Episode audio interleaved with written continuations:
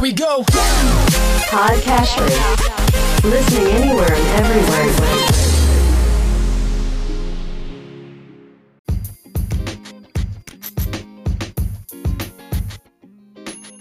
Welcome to Weekly Investment Podcast bersama saya Ferdian Syahputra dari Ispring Investment Indonesia untuk Prudential Indonesia. Gelombang pandemi terbaru yang mulai muncul pada Juni lalu membawa konsekuensi yang cukup menantang bagi perekonomian Indonesia yang sebelumnya sudah perlahan bangkit dari keterpurukan. Kasus infeksi COVID-19 yang menyebar di berbagai kota bahkan menyentuh angka infeksi hingga 50.000 kasus per hari membuat pemerintah mengambil keputusan untuk memperlakukan pemberlakuan pembatasan kegiatan masyarakat atau disingkat PPKM darurat. Kebijakan ini kemudian diubah dan dipecah ke berbagai level dari level 1 hingga 4 sesuai dengan kondisi dari masing-masing daerah. Kebijakan PPKM yang membebani perekonomian ini secara logis harus diambil pemerintah agar dapat meredam penyebaran COVID-19 yang sudah sangat mengkhawatirkan. Beberapa bisnis yang cukup terdampak akibat kebijakan ini, terutama di antaranya penjualan retail, pusat perbelanjaan, perhotelan, dan pengusaha kuliner. Dampak perekonomian dari pengetatan ini membuat Bank Indonesia mengkalkulasi ulang proyeksi pertumbuhan ekonomi Indonesia untuk 2021.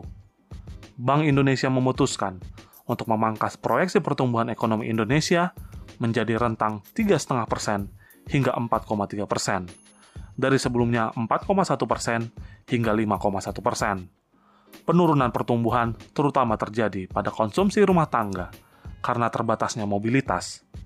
Hal ini terjadi di tengah peningkatan stimulus belanja fiskal, khususnya bantuan sosial yang dilakukan pemerintah.